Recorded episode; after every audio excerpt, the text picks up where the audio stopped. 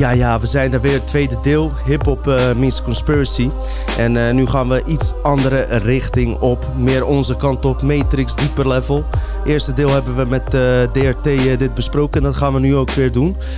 de bedoeling was om dus deze, deze twee type termen. Of hoe je het ook wil noemen. Delen van onze leven bij elkaar te brengen. Op een manier waar ze zich dus allebei in kunnen vinden. Dus jongens, hartstikke welkom. Is er weer met een andere gast. Steeds. Joffrey. Kennen jullie hem nog? Aflevering Robotmensen? Hahaha. jongens, ik kan jullie vertellen. Tussen deze twee afleveringen in, voor het publiek, hebben we zoveel gepraat dat we eigenlijk al vier podcasten konden opnemen, jongens. Als, als de camera had aangehouden, dan hadden we eigenlijk eh, vier podcasten gehad. Maar uh, dit gaan we even gestructureerd aanpakken. Wat is de bedoeling? Muziek werkt met frequenties. Deze aflevering zou best wel interessant kunnen zijn voor rappers, producers, maar ook in andere genres van muziek. Wat frequentie eigenlijk te maken heeft met uh, onze realiteit en daar invloed op. Heb ik dat een beetje goed verwoord, jongens? Uh, zeker, zeker. Dus kijk, uh, als jullie mijn vorige afleveringen hebben gezien, die gaan over eigenlijk uh, dat Nikola Tesla zei ook eigenlijk, uh, als je de ge geheimen van het universum wil ontdekken, moet je in termen van energie denken en frequenties. En wat is muziek, energie en frequenties? Heeft dat invloed op ons? Dat is eigenlijk de kernvraag. En die gaan we gewoon eigenlijk best wel spontaan ook met DRT hier bespreken en Joffrey. We hebben dus geen voorbereiding gehad. DRT is wat daar bekender mee met freestyles en zo, weet je wel. En wij gaan het gewoon op zijn manier aanpakken. Maar we gaan wel ook iets uh, proberen jou te triggeren. Misschien als muzikant zijnde. Of uh, iemand die uh, dit gewoon überhaupt interessant vindt om hier eens dieper op in te graven. En ik zou ook een linkje zetten in onze omschrijving als je hier wat meer van af wil weten. Want ik ben ervan overtuigd dat als je dingen van frequenties afweet en wat invloed dat heeft op iemands gedrag dat jij ook als producer misschien ook op ideeën komt, wellicht commerciële ideeën ook, dat je denkt van hé, hey, ik ga eens wat nieuws brengen. Wat vinden jullie daarvan, jongens? Even DRT hier als muzikant zijnde. Wat vind jij van het idee dat we gewoon ook daar iets als, zeg maar, jij als een eh, rapper, als een artiest, in hoeverre zijn ze hiervan op de hoogte? Kan je mij dat vertellen? Ik denk dat er heel weinig mensen echt zich hebben verdiept in, uh, het wetenschappelijke gedeelte van geluid. Dus we hebben natuurlijk wel een paar hele indrukwekkende engineers en een paar toffe producers van verschillende genres rondlopen.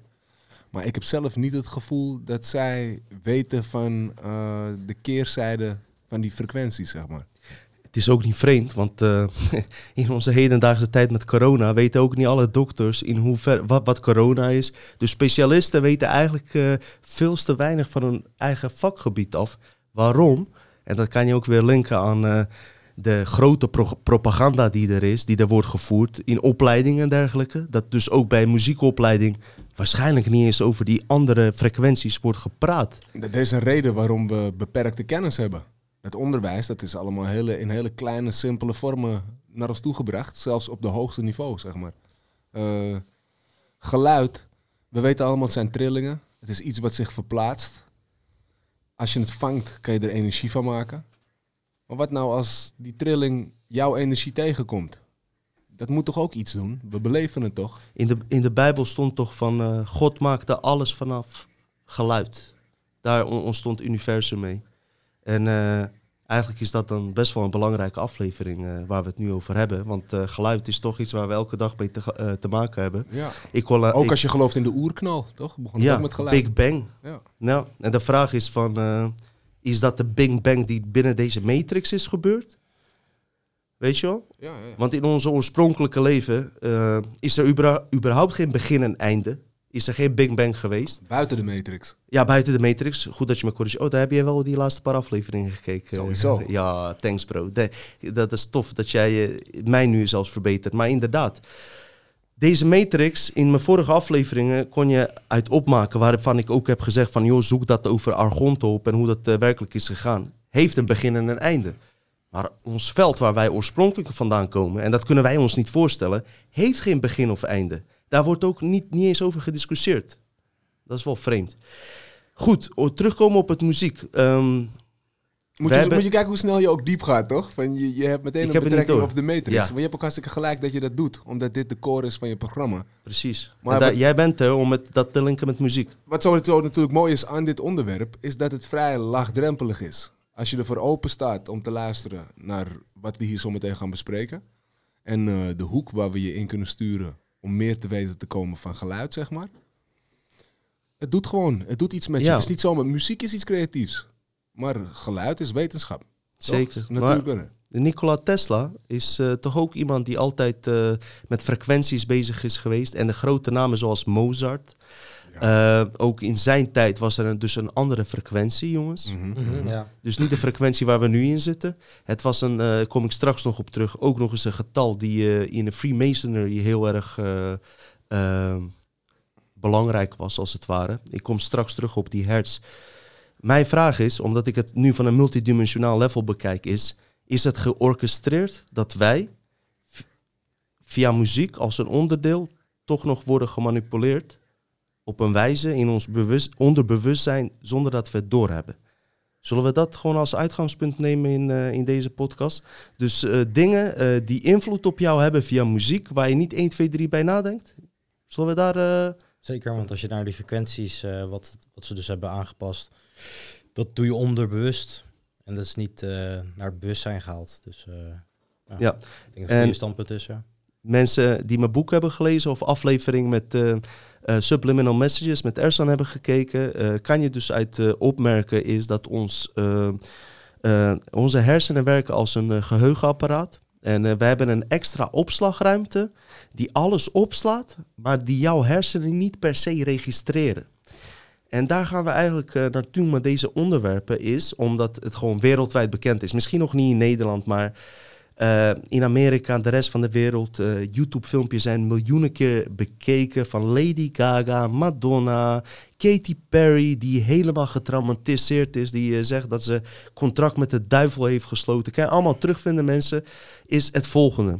In mijn onderzoek naar deze onderwerpen, en dit is vrij basic, was altijd van, als dit zo'n bullshit is en, en eh, spooky, zoals mensen het noemen, waarom zouden dan vrij belangrijke mensen, tussen aanhalingsteken, hier zoveel belang aan eh, hebben? Waarom zouden mensen aan dit soort eh, eh, rituelen, sekscults dan meedoen als het niks zou betekenen? Hm, ja. Dat kan je wel voorstellen. Kijk, als een of andere malote doet en je denkt van, ja, hij doet het, dat is zijn zaak. Maar als mensen het doen die zoveel macht hebben en eigenlijk best wel slim zijn, zou je ook kunnen afvragen van, hey, zit hier niet iets meer af, achter? Is er niet iets meer met energie aan de hand die wij niet zien? En die bijvoorbeeld de groepen van Aleister Crowley met de Illuminati-sectes daar iets meer van afweten. En dat ze daardoor beïnvloed worden en dat dat eventueel ook te maken heeft met hun succes die ze hebben. Ik denk het wel. Kijk, Ja. jij als rapper zijnde, JC bijvoorbeeld, daar wordt heel veel over gepraat, weet Ja. je wel. Eh, hoe, hoe kijk jij daar tegenaan, van jouw eh, rappers invalshoek? Nou ja, eigenlijk eh, in, in de vorige aflevering hebben we ook gesproken over eh, dat instrument zijn, toch? Van Ja, een rapper of een muzikant. En ik denk dat een heleboel in hun onderbewustzijn zelf al meedoen aan iets wat ze niet doorhebben.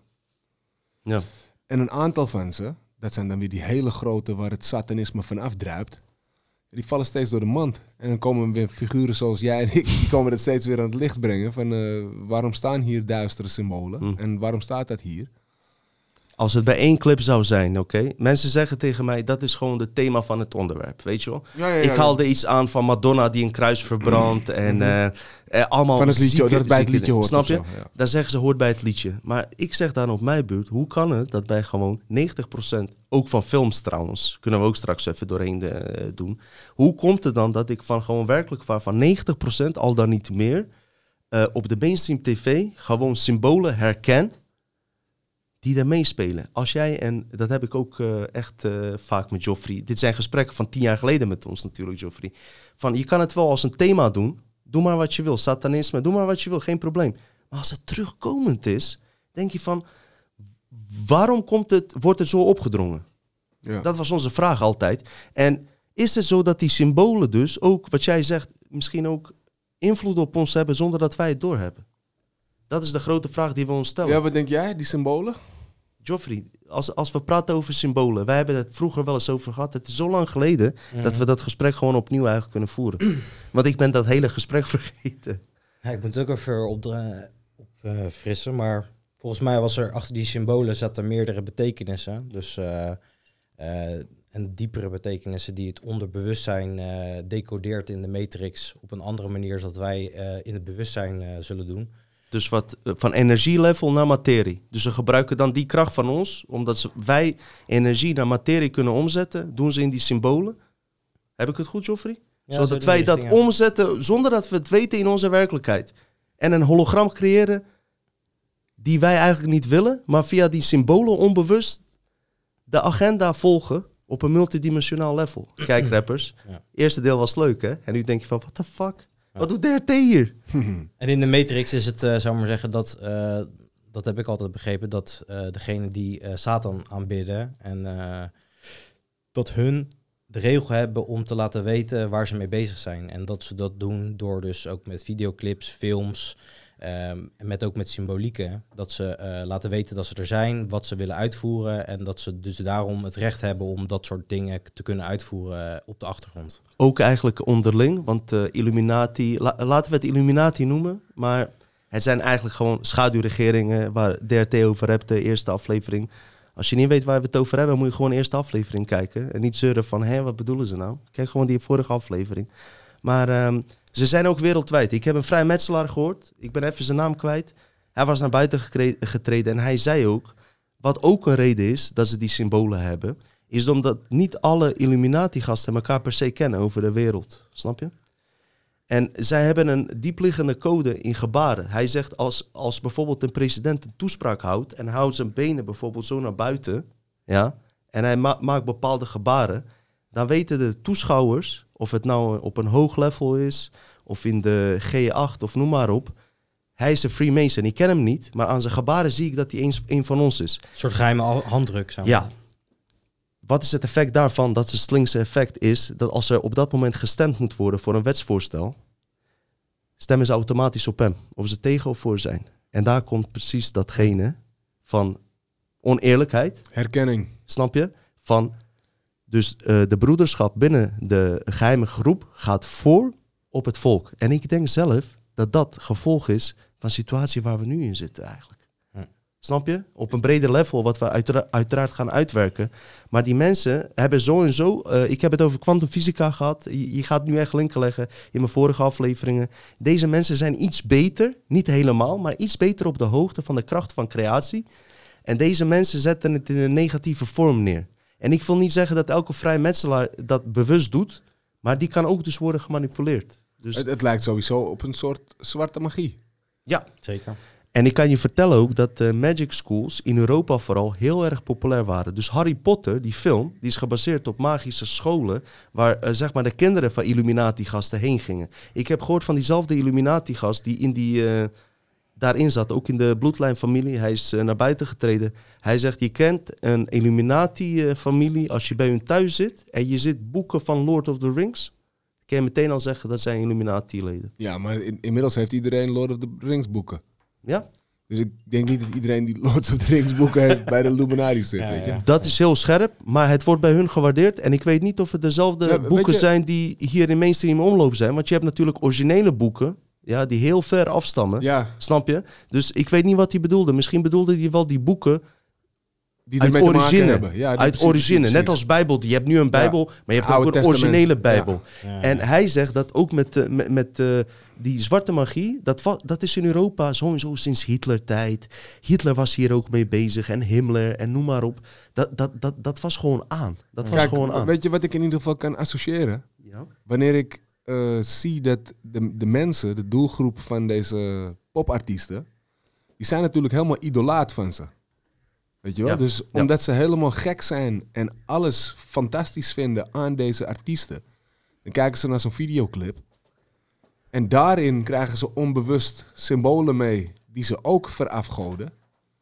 En dat moet wel degelijk iets van een satanistisch proces zijn. Ja, ik heb misschien meteen een link. Eh, ehm, eh, ehm, ik probeer altijd eh, dingen dus te relativeren aan onze technologie nu. En mensen zeiden altijd tegen mij: Dino, wat bedoel je met symbolen? Ik, ik zie een driehoek en dat is voor mij een driehoek. Ja? Ja. Verder niks. Maar dan gaan we weer matrix level op. Wij zien een driehoek, maar wij zien maar 5% van die driehoek. Ja? Omdat onze, we hebben een bewustzijns, eh, bewustzijnsval meegemaakt, waardoor we alleen maar 5% van onze realiteit zien. Dus die andere 95% weet je niet wat het brengt. Maar ik heb misschien nog een beter voorbeeld. Wat je nu met de te- eh, hedendaagse technologie kan verklaren. Je hebt toch die QR-scan, Mhm. ja? Dat is toch ook gewoon een symbool? Mhm. Maar daar kunnen toch eh 50 boeken in verwerkt worden als je de link eh, daar zet. Ja, klopt. Dat is toch hetzelfde verhaal? Ja, ik hoor je. Begrijp je wat ik Zeker bedoel? weten. Er zit gewoon Voel je diepte in. Zeker Ja. weten. Dus ehm, wat er eigenlijk gebeurt, er wordt een, via een symbool kan een link worden gemaakt. Net als met die QR-scan naar een eh, informatieveld. En deze krachten, Anunnaki-krachten, sorry rappers, maar eh, dit gaat diep hoor. Weet je, ik probeer even in jouw publiek ook even mee te laten draaien. Dat ze niet denken van, waar de fuck heeft hij het over? Maar het is toch belangrijk, jullie gaan uiteindelijk hi- hierin wel kunnen vinden wat we bedoelen. Is dus dat je onderbewustzijn dingen opslaat waarvan jij je niet bewust bent. En dat geldt ook voor die symbolen. Ze kunnen je, eh, als je naar mijn vorige afleveringen met Ersan kijkt, eh, ook voordat eh, zeg maar, in de bioscoop een film werd gedraaid, zag je een flits van Coca-Cola. Hebben ze testen meegedaan, mensen kochten die cola. Waarom? Het kwam in een flits, in onderbewustzijn. Dus het heeft effect op je. Dat wil ik er eigenlijk mee zeggen. En wat jij net zegt, DRT, in muziek worden dezelfde effecten gebruikt. Terwijl in de reclame-industrie eh, die manier van marketen zelfs verboden is geweest. Omdat het zo'n groot effect heeft op jouw dagelijks Ja. leven. Terwijl in onze realiteit nu, vooral met de corona, dit zwaar wordt toegepast. Eh, het is natuurlijk manipulatief, toch? Je, ziet iets, zoals in dit voorbeeld wat je geeft van die flits, toch? In een flits zie je het logo en het heeft iets met je gedaan in je, in je onderbewustzijn. Wederom kijk je ook niet zomaar naar een symbool. Je kijkt naar een sigil, toch? Je kijkt naar een, een logo. Het is eigenlijk een, een spiritueel logo waar iets al mee gebeurd is. Dus alleen het zien van het logo doet al iets met je. Als, als bepaalde branche, zoals eh, reclame, business of marketing, weet ik veel. De industrie die heeft daar standaard voor gezegd van dit kan niet meer, dit is eh, voorbij de grens van manipulatie. Dan zie je dat wel weer terugkomen in die muziek. Want daar is weer eh, een grijs gebied, daar kan je weer van alles flikken. En dat heeft met invloed te maken. En Alleen nu heb je het voornamelijk eigenlijk over het visuele gedeelte, over die videoclips toch? Mhm. En die duistere, duistere offeringen of wat Die flitsen? Ja, of bij, creepy, eh, creepy afbeeldingen. bij eh, eh, Olympische Spelen, dat zeg maar Lady Gaga komt optreden, waar kinderen gewoon worden gegeten op een vage manier. Ja, of die Ook dat ehm, spirit cooking en die spirit shit. cooking, ja. Inderdaad, met die Marina Dat had. Jeannette Ossenbaard heel mooi verwoord trouwens. Al ben ik geen eh, niet eens fan van eh QAnon dingen, maar goed, maar respect ook voor hun natuurlijk. Jeannette Ossenbaard eh, had dat verwoord en ook de linken met eh, zeg maar de zus van Maxima, die doet die dingen ook zeg maar. En Beatrix gaat gewoon naar die tentoonstellingen Dat zeg klopt, maar. ja. ja. Mhm. met Rothschild samen, waar gewoon mensen, ehm, eh, nou hoe moet ik dat zeggen, levensechte beelden van mensen worden in een taart gezet en dan gaan ze daarvan eten met allemaal organen en eh, Ja, daar bloed heb ik maar wel een keer iets van vooral en, meegekregen. eh, maar dat is een trippy man. shit, man. Onwijs ziek. Dat Heel heeft ziek, Jeannette ja. Ossenbaard, moet ik wel eerlijk zeggen, heeft ze wel heel mooi in elkaar gezet. En dat Ja. spirit cooking is ook Ja. echt, echt Het is... eh, bizar gewoon. Dan gaan ze bloed en eh, Ja. met, met, met, met sperma en, en Ja. borstmelk en weer gemengd en zo. En met inderdaad met een soort van ledematen. Maar je of- ziet ook wanneer je-. Het is Weet je, wanneer, smerig, het, wanneer je het opzomt en je gaat het goed bekijken, dan heeft het ook altijd met die dingen te maken. Ja. Het zal nooit een keertje zijn dat er een kip gekookt wordt. Of dat er iets gezelligs gedaan Kijk wordt. uit met wat je dans. zegt, hè, anders ben je een eh, racist. Ja, nee, dan, ben- dan kom- krijg ik die milieuactivist op mijn dak. Nee, maar je weet wat ik bedoel, toch? Het, als het elke keer dat liedje is. En het is Chicken Lives Matters. wat ze doen. Ja. Je weet toch, ergens eh, dan denk ik bij mezelf, het zit niet lekker. Maar bro, Ze, ze, hebben, ze weten meer, ze hebben een plan. Maar, Wie het ook zijn, maar- maar- wat maar het kijk, plan ook is. weet je hoe ik dat denk? Terugkerend. eh, Ja, het is, elke keer die, het is elke keer die sex shit. Het is elke keer weer die Terugkomende symbolen. patronen. Ja. Ja. En als Dus je je, dan, welke hoek ze het zoeken. als je dan bij jezelf denkt van...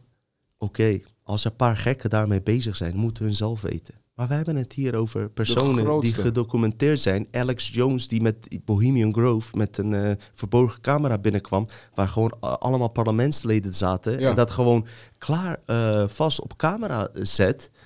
Mijn vraag in het begin van mijn onderzoek, want je komt altijd bij Alex Jones aan het begin terecht, weet je wel, jullie ook waarschijnlijk, is dat eh, oké, het gebeurt, maar ik vind het ziek dat mensen daar zitten onze regels bepalen. Dus ook mensen die nu ook onze coronaregels bepalen en anderhalf meter afstand. Ik heb zoiets van, waarom houden jullie je met deze zieke shit bezig? En tegelijkertijd denk ik, er moet iets achter zitten, een bepaalde energie daarachter, anders zouden ze het niet doen. Want ik, ik kan me niet voorstellen dat ze dat zomaar doen. Er Dus moet een reden soort achter zitten. subcultuur is het. eh, een verborgen subcultuur. Nou, eh, nou, nu je daarover-. Ja, de, het is Ja. steeds minder verborgen eigenlijk. En het, Dat wel, ja. Wordt de- meer de- openbaar. Dezelfde, dezelfde organisaties zijn vaak ook erbij verbonden, toch? Zoals dat jij me die afbeelding liet zien van eh, het RIVM hier, al, Bizar, hè? met een vrijmetselaarslogo ervoor. Ja, dat is ook bizar, hè? En- Dat heb je niet gezien? Ja, jawel, ja, dat Oh, heb ik gestuurd, ja. Weet je, maar het is toch ook eigenlijk, weet je, het is toch ook eigenlijk helemaal geen verrassing voor ons. Nee, maar Dus ze, ze verstoppen het ook niet, ze kunnen het gewoon open, openlijk laten zien. En, En- dat natuurlijk ook omdat een heleboel mensen nog eh, onschuldig denken over de vrijmetselarij. Niet allemaal zijn slechte mensen trouwens. Nee, maar mede daarom. En omdat het ook Alleen bepaalde groepen. Ze, ze presenteren zich heel onschuldig, toch? En, eh, en ze, zweren er ook bij van... eh, En het is geheim. Waarom ze- zou je die kennis niet delen, zeg Eh, ik dan? Weet Ze zeggen toch ook altijd van, over zichzelf, hè, die vrijmetselaars. Van, oh, wij, kunnen, wij hebben al moeite met het organiseren van een lunch. Dat is al een heel gedoe. Dus hoe zouden wij nou de wereld kunnen regeren, weet je wel? En de vraag is, wat eten ze voor lunch? documentaire heb je gezien van hun... eh, Ja, maar het eh, zijn, het zijn toch precies dezelfde figuren die ook in de, in de heet het, wereldtop zitten. Of Ja. bij de Bilderberggroep. Of bij andere duistere bondjes. En je kan je die dingen afvragen... bepalen op, op de lange termijn. Je kan je afvragen, wat voor lunch eten ze? Baby's? eh, in spirit cooking of wat dan ook? Eten Dus, ze überhaupt lunch? Ik dacht dat ze alleen s'nachts actief waren. Maar, maar wat wel is, dat, dat heb ik dan in mijn eh, onderzoek, of hoe ik dit heb onderzocht, weet je wel, is ook dat bij vrijmetselarij, weet je wel, niet iedereen hiervan op de hoogte is. Maar dat geldt voor kerk ook, weet je wel. Vaticaan is toch ook toch verbonden hieraan. Maar je hebt toch graden. Ja. Dus dat betekent toch al genoeg. Dan weet je toch ook van ja. In, het leger heb je toch ook iemand rondrennen die helemaal geen moer weet. Helemaal goed. Wat ik even tussendoor Goeie wilde melden, mensen. Ehm, DRT is hier en eh, we proberen met hip-hop gewoon. eh, proberen, dat, dat gebeurt vanzelf als we praten, is gewoon connecten met, eh, met deze onderwerpen. Want eh, het is gewoon aan elkaar verbonden.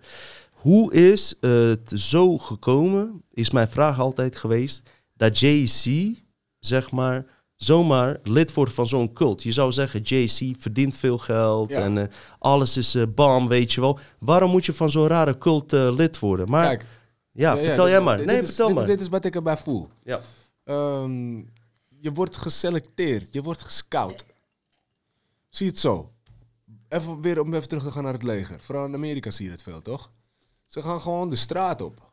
Ze gaan gewoon de straat op met een semi-tank en met 15 soldaten. Van verschillende nationaliteiten. Dan gaan ze promoten. Staan ze bij de shoppingmall ergens. En ze vertellen aan voorbijgangers van... hé, hey, heb je werk? Zoek je werk? Ook daarin volgt een selectie. Dus eerst promoten ze aan iedereen. Iedereen zou het leger in kunnen. Dit kunnen we voor jou betekenen. Vervolgens dan schrijven een aantal mensen zich in. Daar valt gewoon nog steeds de helft vanaf. Dan blijft er een aantal mensen over en die gaat erin. Mhm.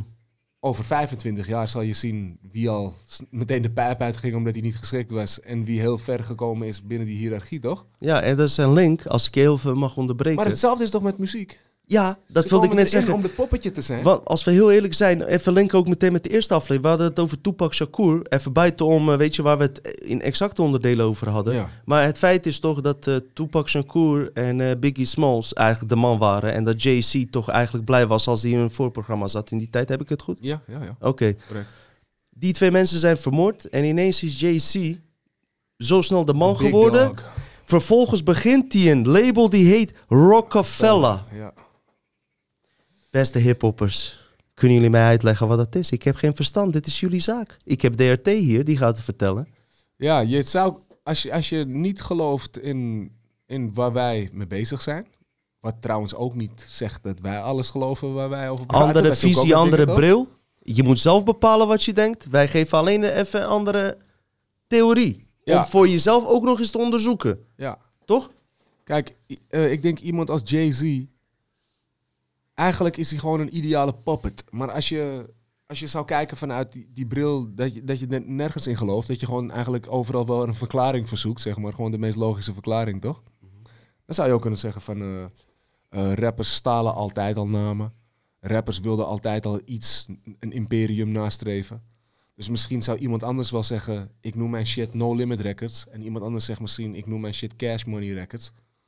Maar, dus jij denkt niet dat er di- direct verband per se hoeft te zijn? nou ja, er zijn toch ook rappers en die hebben zichzelf eh, gangsternamen aangemeten... die zij niet zijn. Ik ken Dus ook donkere Jay-Z. rappers die zichzelf Mussolini noemen, terwijl Mussolini een fucking racist was. ja, ja, moet je daar Kun je die begrijpen? Moet je nou, nee, maar kijk dan, eh, Rockefeller is toch ook een Jood, of niet? Ja, maar oké, JC eh, boeit dat niet. Nee, maar ik denk dat Jay-Z, als hij het onschuldig gewoon maar heeft ge- gepakt, die naam, dan heeft hij het een beetje in de, in de gedachte gedaan van ik wil ook groot worden en een imperium. Misschien dat Rockefeller toen, hij heeft respect voor mij en hij heeft heel veel publiek. En via hem kan ik mensen manipuleren via subliminals. Ik benader hem, want hij is gek op mij. Ja, het zou mij niet verbazen als ze, iets met, als, ze, als ze wel iets met elkaar te maken hebben. Als Jay-Z aan het begin van zijn periode wel degelijk een Ik, boost ik heb daar misschien een... eh, van die Rockefellers hebben. ja, ik kan daar misschien wat op toelichten. Je hebt uh, Alistair Crowley, jullie kennen hun, naam- Ja. hem allebei. Ja, Eh, even mensen tussendoor. Ja, het is een satanist die zichzelf ook eh, 666, de Beast noemde. Deze man ehm, eh, was eh, zeg maar eh, iemand die eigenlijk kabbalistische eh, ideeën had. Daar eh, bepaalde eh, ideologieën uit heeft gehaald, wat vooral gerelateerd is aan de sekscults. Wat is er met die sekscults aan de hand, mensen? Eh, ik weet niet, heb ik net al die film Ice White Shot eh, als voorbeeld Ja, genoemd? ja.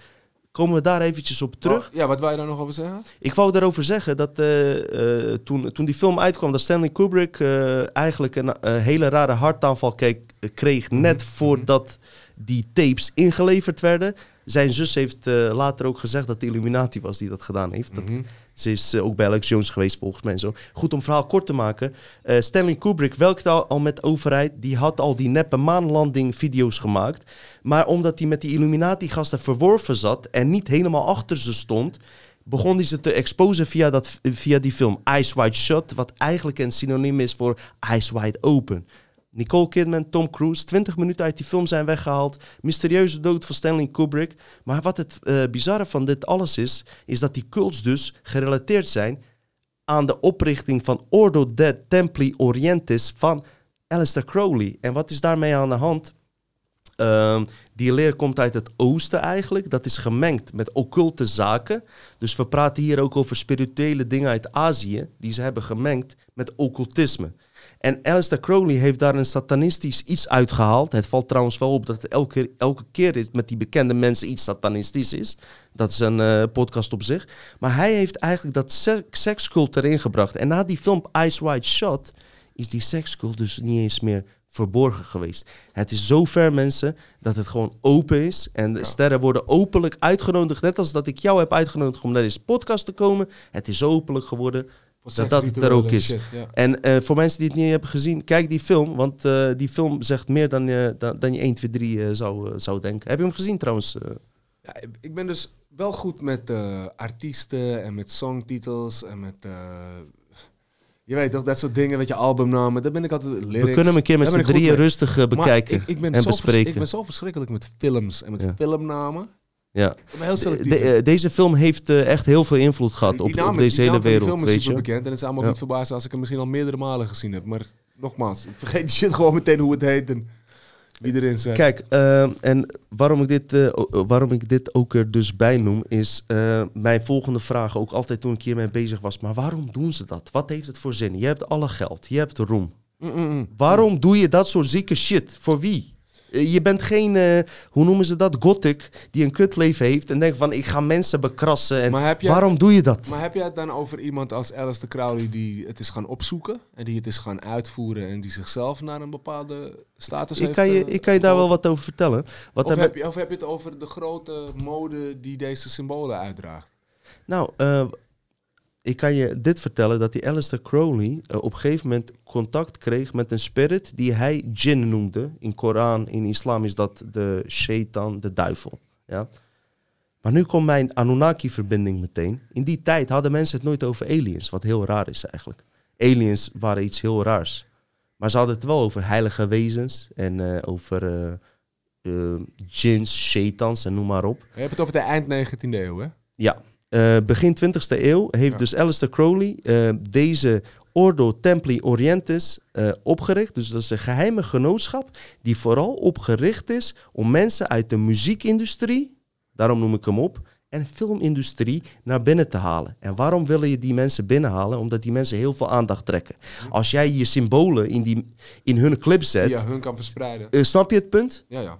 Dat is dus even iets. ehm, die informatie kreeg hij van die djinns. Daarom noemde hij zichzelf de duivel. Maar toen eh, heeft hij een tekening gemaakt van die djinn. Die zal ik doorheen editen. En dat lijkt gewoon verdacht veel gewoon op een buitenaards wezen. Ja, zo'n grey alien. Heb je hem gezien? Ja, ja. Ja. Ik weet wat je bedoelt, ja. Trippy. Dus de vraag is dus dan, daar komt weer dat geloof en, eh, en alles eh, ter sprake van, wat is er aan de hand? En, waar, en is hij ook zelf gebruikt, weet je wel? Als we praten over deal met de duivel sluiten, hij, hij is daardoor ook bekend geworden. Standbeelden zijn van hem in Amerika, noem maar op, die eh, zouden gesloopt worden. Eh, dus het zieke van dit alles is, wat ook het gelijk maakt met deze matrix, is dus... Het is niet van wie goed doet, goed ontmoet in dit leven. Wat ons wordt voorgeschoteld. Want er zijn heel veel slechte mensen die gewoon hele ranzige dingen doen... en die hier gewoon een goed leven leiden. Kijk, we zitten natuurlijk ook gewoon in een kapitalisme, toch? Ja. Dus er is nog steeds iemand die niet voor achter een scherm verborgen zit. Dat zijn gewoon semi-bekende figuren, zeg maar. Grote zakenmannen. En die willen altijd geld verdienen. Dus uiteindelijk spelen ze het ook op de man. Van ja, wat kunnen we aan jou verdienen? Hoe kunnen we jou eh, manipuleren om meer te consumeren of hun dienst af te nemen of hun product af te nemen? En als je dat niet doorhebt en als dat op een onderbewustzijnslevel gebeurt, wat, en dan gaan, gaan we nu naar de muziekfrequentie, daar gaan we dan op uit, is dat ze dus, dus via frequentie muziek ook daar invloed op hebben. En Joffrey, jij vertelde mij dat eh, muziekfrequenties ook in de jaren tijd zijn veranderd, hoorde ik je net vertellen. Want wij doen dit freestyle, we hebben niks voor, voorbereid zogenaamd. Net als die battle rappers die zeggen dat ze niks van tevoren hebben geschreven, maar dat toch wel hebben gedaan. Sorry. Nee, ik heb natuurlijk wel even een beetje onderzoek gedaan. Wij zijn eerlijk. Het is al een tijdje terug dat ik eh, met, dit, met jou in dit onderwerp heb gezeten. Zo, wij praten hier echt nu even vijf, 15 jaar over terug. Hè. Dit zijn gewoon eh, gesprekken. Nou, 10 jaar. Tien jaar, ja. Ja. ja. Ja, misschien wel bijna 15 jaar. Nou, 2007, kijk of, eh, of wat van je geheugen over is gebleven, gozer. Schenk Ja. ik wat in. Want de- deze album is uit. Ik ben jarig geweest. Heb jij nog wat te melden? Jij krijgt bijna een kind? Ja, ook nog, ja. Oké, nou goed. Gefeliciteerd, man. Thanks, thanks. Ja. Nee, ehm, over dat eh, frequenties inderdaad. Eh, in het verleden was er, eh, werden er andere frequenties gebruikt. Op, voor elk land had weer een andere frequentie wat ze gebruikten in muziek. Het gaat dan beginnend bij de A-noot, zou ik maar zeggen. Welke frequentie die begint en dan is de rest daarop volgend. Eh, verschillende frequenties. En op een gegeven moment is er iemand die een onderzoek is gestart eh, welke eh, frequenties ze allemaal gebruikten. En die heeft gekeken welke range het ongeveer zat. En die kwam toen op de conclusie dat eh, waar ze tussen zaten was ongeveer eh, 440 hertz. Waar ze dan het gemiddelde van alle onderzoeken die hij had gedaan met een apparaat wat hij had gemaakt. Die man heette, even kijken, hoe heet die ook alweer? Ehm, Een Duitser zeker. Ja, allemaal Een- waren ze wat? Een Duitsers. Duitser. Karl Marx was een Duitser. Adolf Hitler was een Duitser. eh, het klinkt Eh, wel Bo- Duits, ja. Boris Becker was ook een Johan Duitser. Heinrich Siebler. Kijk, daar ga je al. Ja, rijmt ja, op Hitler. Ja. Eh, Ja, en die had een meeterinstrument gemaakt en die ging dus bij al die landen, ging die bij die, eh, vooral bij die orkels, of hoe heet het, nee, hoe heet het, orgels. Waar in de die kermisgasten mee gaan staan Nee, zo, en ook in de kerken en zo. Eh, gospel shit. gospel oh, sorry, shit, sorry. ja, nee, nee, dat. Vind ik trouwens hele orgels. vrolijke christelijke mensen. Daar heb ik wel respect voor. Ze maken het gezellig. Sorry, Ja, ja, sorry ja. Joffrey, sorry.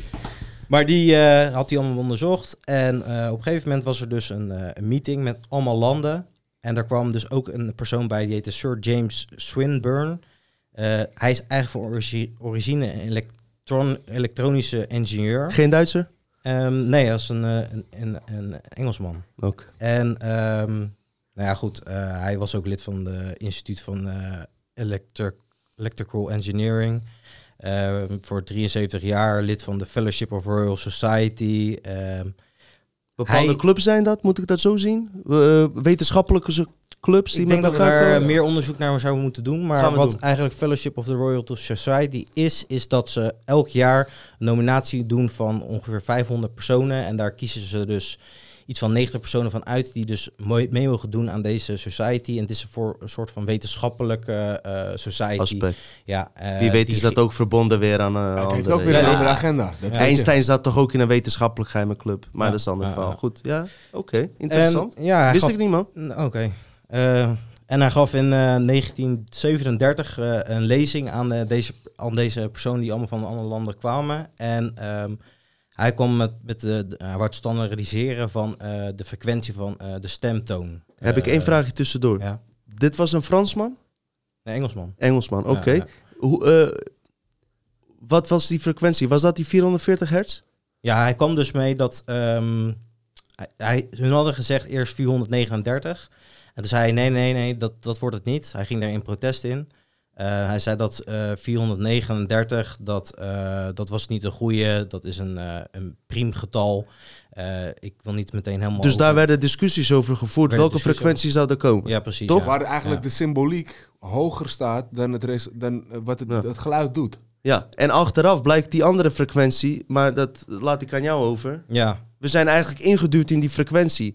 En mensen kunnen zich afvragen, Inderdaad. ja, wat boeit dat nou? Maar het heeft wel veel effect op ons. Sorry, Geoffrey, Ja. eh, vertel maar verder.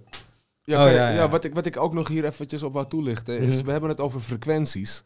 En mensen die een beetje weten van de verschillende frequenties, die weten wat hoge tonen zijn en die weten wat lage tonen zijn. mhm. Dan hebben we het ook over frequenties, dat toch? klopt, ja. Alleen in dit geval hebben we het over de stemming van de frequenties. Dus als ik, als ik, eh, als, als jij zou zeggen, dit is een zuivere toon, ah, dan heeft het een bepaald gevolg als je al je noten daarop afstemt. Ja, dat Ja. klopt, ja. In tegenstelling tot als je op Als deze, beginpunt. als deze A440 pakt, Ja. dat is wat we nu dus allemaal hebben. Referentiepunt. Af- eh, vanaf 1955 had ik begrepen dat het echt helemaal is doorgevoerd. Mhm. Eigenlijk al sinds Hitler-tijd, hè? Was die Goebbels, die heeft de frequentie. uit ja. die Tweede Wereldoorlog. Van die MK Ultra, want dat is ook de link, sorry dat ik je onderbreek hoor, maar het is ook de Mind link, control. dus mind control. Ja. Toen die mind control, want mind control uit Amerika stamt af uit Hitlers programma. Ja, dit was in 1939, dus dat was precies daarvoor. Snap je? Maar Ja. die Goebbels, die Duitsers, waren hier eerder mee dan Amerikanen. Dat is een heel verhaal op zich. Daar kreeg je echt te maken ook van eh, waar komt NASA vandaan, Secret Space Pro. Jij weet dat. Als we er dieper op ingaan, ga je dingen herkennen. Mhm. Maar die Goebbels, die was dus ook verbonden, ook met allemaal geheime genootschappen die bezig waren juist met deze dingen. Ook met vrije energie en dat soort dingen. Maar ook met frequenties. En Mozart ook. Wat was met die Mozartse frequentie? Was een 432 frequentie, Ja. klassieke frequentie. Ja. Hadden wij het nog net over. Heb je Ja, dat? maar dat was toch alles in die tijd? Dus voor 19... Whatever, ik geloof eh, 1930 rond die tijd, voor die tijd, was alles gewoon A432. Goed dat je dat zegt. Eh, mensen, ehm, om eh, dit eh, jullie nog beter te laten zien, hebben we volgende filmpje voor jullie. eh, Wat het eigenlijk veel beter laat zien. Want eh, zeg nou zelf, hij is een rapper. Deze man doet zijn ding, ik doe dit. Eh, wij willen ook hier niet overkomen als we een of eh, weet je wel, alsof wij specialisten ja, zijn. nee, en zijn daarom vind ik ook dat, dat je ook eh, je, hè, je referenties moet laten zien. Dus ik zou zeggen, kijk dit filmpje en eh, misschien word je er wijzer van. Komen wij zij zo hierop terug. Music is frequency programming. Music is frequency. What fre- frequency are you being fed? If I play with those frequencies, right, I can target certain parts of the mind, target the frequency to go to certain parts of the mind, and I can literally, if I want you to astral project, or if I want you to go to sleep, or if I want you to go into a meditative state, I can make my music do that. The brain processes information electrically. It communicates with the cellular structure electrically, and it operates within a certain band of frequency. If you can broadcast frequencies carrying information, this, this technology has long been known, carrying information and perceptions within the frequency that, that the brain decodes information, the brain will decode those frequencies and will have those perceptions. You can externally influence people's perceptions externally by broadcasting these frequencies that, that we interact with because we are antenna. The sad reality is that where we now play our music is in A440. Where did that come from? It used to be 417. A440 came in with the Roman Catholic Church. They suppressed the frequencies. They lost somehow the 152 of the best Gregorian chants, including the hymn to St. John the Baptist, which we've now recovered.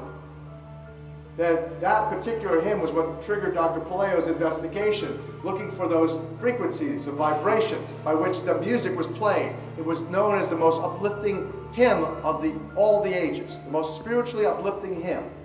Hymn to St. John the Baptist was played to six tones. These are those six tones. These are those six frequencies.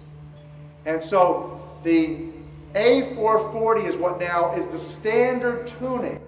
If you go A439, you're closer to one of the creator's tones. If you go A441, you're closer to one of the creator's original tones. That's how precisely it has been manipulated. To do what? To shut down the 95% of your brain, particularly the right brain that operates the heart mind for the divine human community.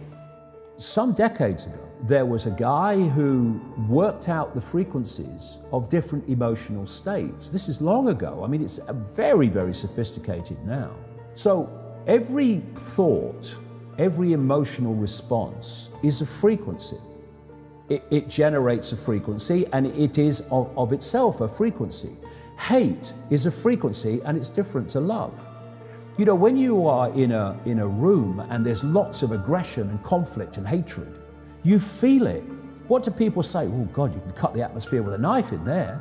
That is because the frequencies of hate and conflict have been so generated, they have changed the electromagnetic field of the room.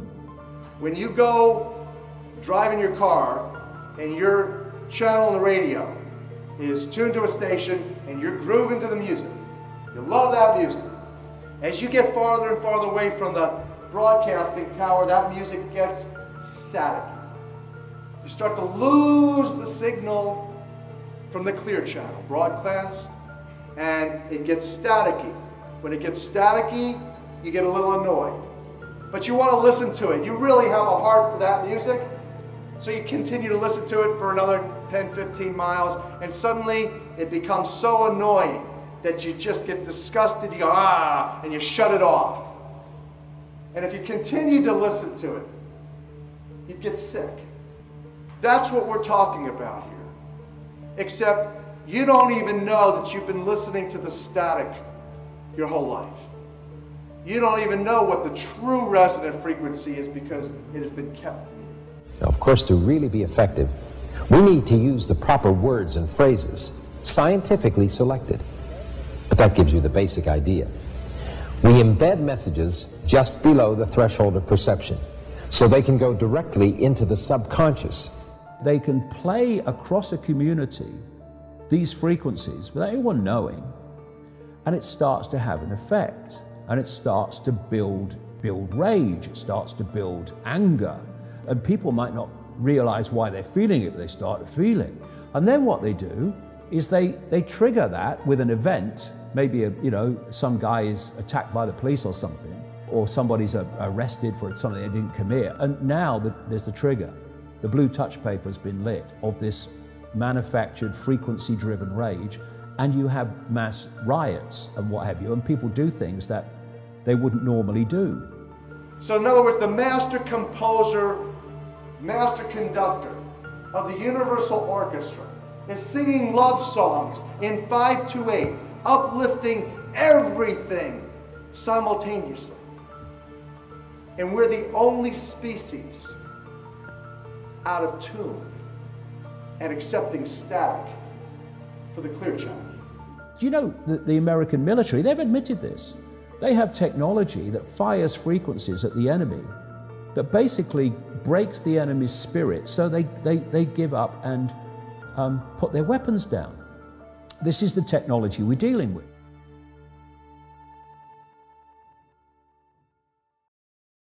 Ja, ja, ja, we zijn er weer.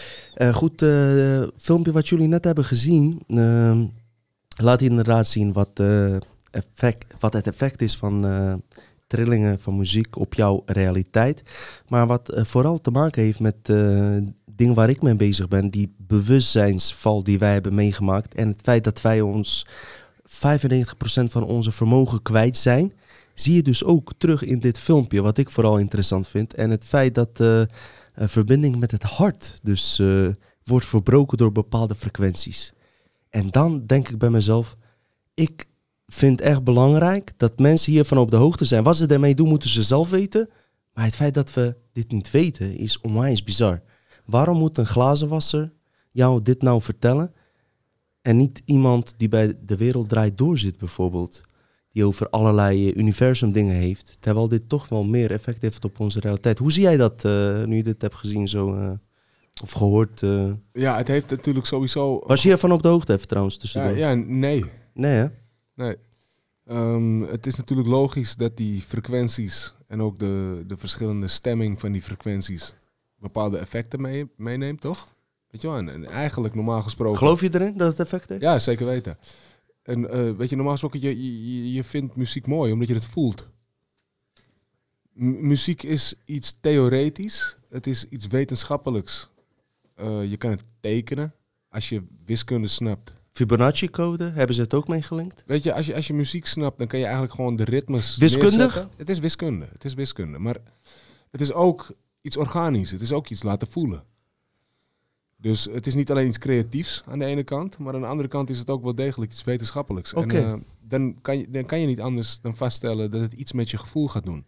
Alleen als het bedoeld is met als eh, soort onderliggende boodschap om het gevoel los te koppelen van het denken, dan, dan dreigt het er eigenlijk naar om jou dus niet te laten denken over wat zij willen dat je gaat uitvoeren door middel van het jou alleen maar laten voelen. Wauw, ja. Da- da- daar wilde ik... eh, Maakt, die maakt, maakt bepaalde muziek je zo boos dat je gewoon er niet meer over nadenkt en je gaat, je doet iets lijps. Ik, ik weet niet, ik heb het wel eens meegemaakt dat muziek. ja? Kan je een voorbeeld geven? Ja, ik kan je een voorbeeld geven. Ik ga niet zo lekker op, g- op hardstyle, gabber, hele harde elektronische muziek. Ik ga daar gewoon niet lekker op. Dus wanneer ik dat, ik ben er gevoelig voor. Ik ben een muzikant, ik ben veel bezig met kleine kwetsbare muziekstukjes, weet je.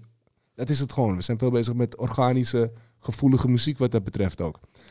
En ehm, in, in die hele harde, elektronische, gonzende terrormuziek en die horrorgeluiden, zeg maar. Ik hoef dat maar 20 seconden te horen. En ik ben echt al klaar om iemand te trappen. Ik, ik zal je wat vertellen. Er was een eh, monnik, was uitgenodigd naar een hardstylefeest. Ja. Door een... eh, dit heb ik eigenlijk van Joffrey. Ik vind dat Joffrey... Ja, ja, ja. Ik denk het dat. Joffrey het nog beter kan vertellen. Een monnik- Heb je, het- heb je het een beetje eh, onthouden? Ja, ik weet wat het bedoelt. Een ja. Kan je monnik het even op een vertellen alsjeblieft? Want ik heb van jou gehoord. Ik ging ook namelijk naar hardstylefeesten en ik... eh, Doet hij nou niet meer hoor. nee, doe Hij niet luistert alleen naar Kaaskoes en DRT nu.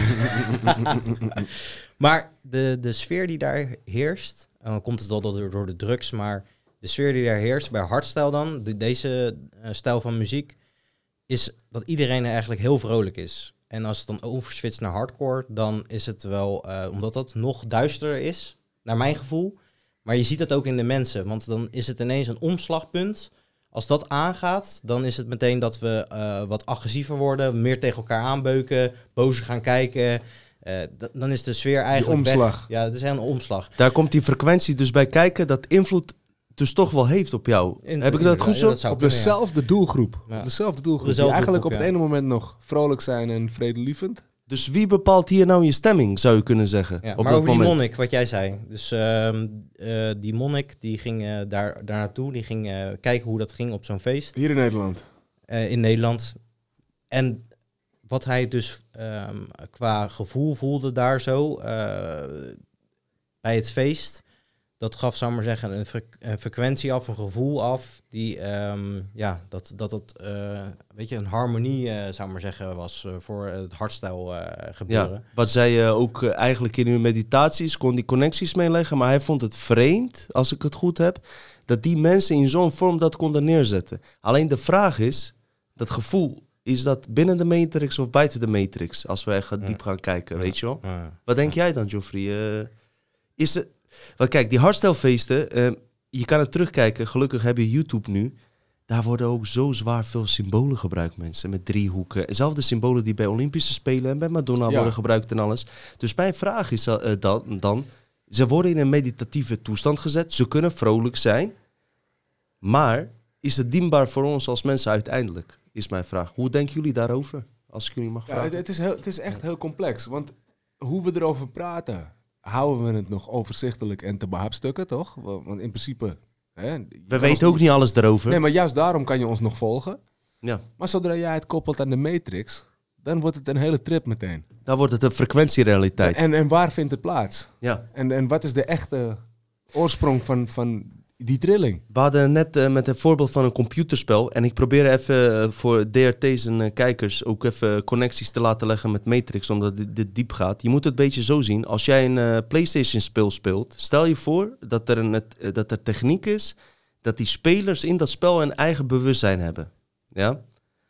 Die spelers van dat spel, als ze volledig in dat spel zitten, weten niet beter dat alleen dat spel er is. Laten we het noemen GTA, San Andreas. Dat is hun level. Ze beseffen zich niet dat er ook mensen zijn die buiten dat spel invloed hebben. De designers van het programma, die invloed daarop kunnen uitoefenen. En dat is eigenlijk waar we het nu over hebben. Dus invloeden van buitenaf, die eh, effect hebben op deze realiteit. Alleen het zijn onzichtbare energieën die we niet zien. Maar wat ons verhaal eigenlijk sterk maakt, wat wetenschappelijk te bewijzen is, dat wetenschappers dus die energieën, bepaalde energieën, niet alles, wel kunnen meten. En wel die, dat effect kunnen zien. En nou weet ik niet zeker, Joffrey, die monnik, was die niet met een Belgische wetenschapper daarheen gegaan die hem eigenlijk daarheen stuurde? Dat weet ik ook Ik weet- even niet. Ik, ik heb het verhaal even Maar vaag voor hij, me. hij, hij had een bepaalde extase, een bepaalde gevoel. En waarschijnlijk waren die mensen ook uit hun plat. Waarschijnlijk waren ze allemaal onder MDMA, laten we even heel eerlijk zijn. En daar kunnen we een aparte podcast over eh, houden. Of MDMA, hoe goed of slecht dat wel niet is. En sowieso over drugs en over het ontdekken van de Matrix. Ja, en ayahuasca kan je Ja. ook LSD op ingaan. Dat is een eh, onderwerp op, op zich. Maar het kan zijn dus dat hij het wel heeft aangevoeld. eh, ook door eh, wa- wat ze gebruikt hebben. Maar ook omdat hun staat dus door de muziek in een bepaalde frequentie is gezet. Dus dat, dat is wel bizar. Dat is wel Geloof bizar. ik. Kijk, En, En- en trouwens in wetenschap eh, kan je trouwens ook nog... eh, ik zal jou die link, we kunnen misschien onder het filmpje zetten. Dat is gewoon een wetenschappelijk artikel namelijk. Dat DNA werkt als een antenne. Wat dus met te maken heeft met frequenties. eh, dus welke reageert op, op magnetische effecten. En ehm, wat in het onderzoek bleek, is dat ehm, DNA, eh, die bevat dus twee structurele eigenschappen van een eh, fractale antenne, of gewoon een antenne, zullen we het maar even gewoon noemen, voor even het eh, simpeler te houden. En dat is namelijk elektronische geleiding en zelfgelijkvormigheid. En wat zelfgelijkvormigheid is, dat een object dat precies of bij benadering gelijkvormig is aan een deel van zichzelf. En DNA wordt altijd afgebeeld in een soort van eh, dat het zo loopt. Strengel. Ja, een strengel. Oké. En eh, dat, die strengel, dat is dus eigenlijk, dat, dat, dat patroon, dat herhaalt zich. Dat is Ja. dus die eh, zelfvormigheid.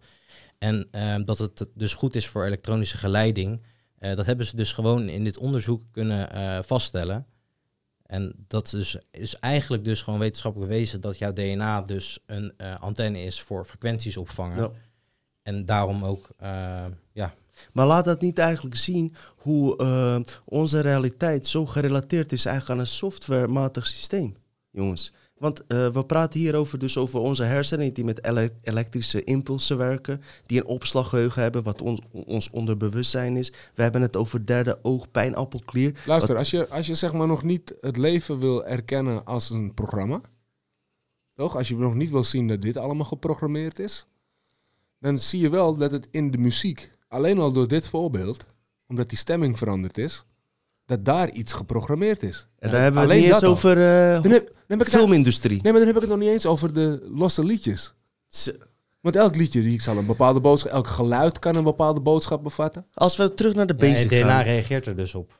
Ja. Als ontvanger. Ja, maar dat dat nu- muscle memory wat erop reageert. Nu heb je zeg maar een technisch verhaal gehoord. Je hebt bijvoorbeeld ook eh, frequentie die nooit wordt gebruikt, alleen in de spirituele wereld, in ayahuasca-wereld of noem maar op, 432 hertz.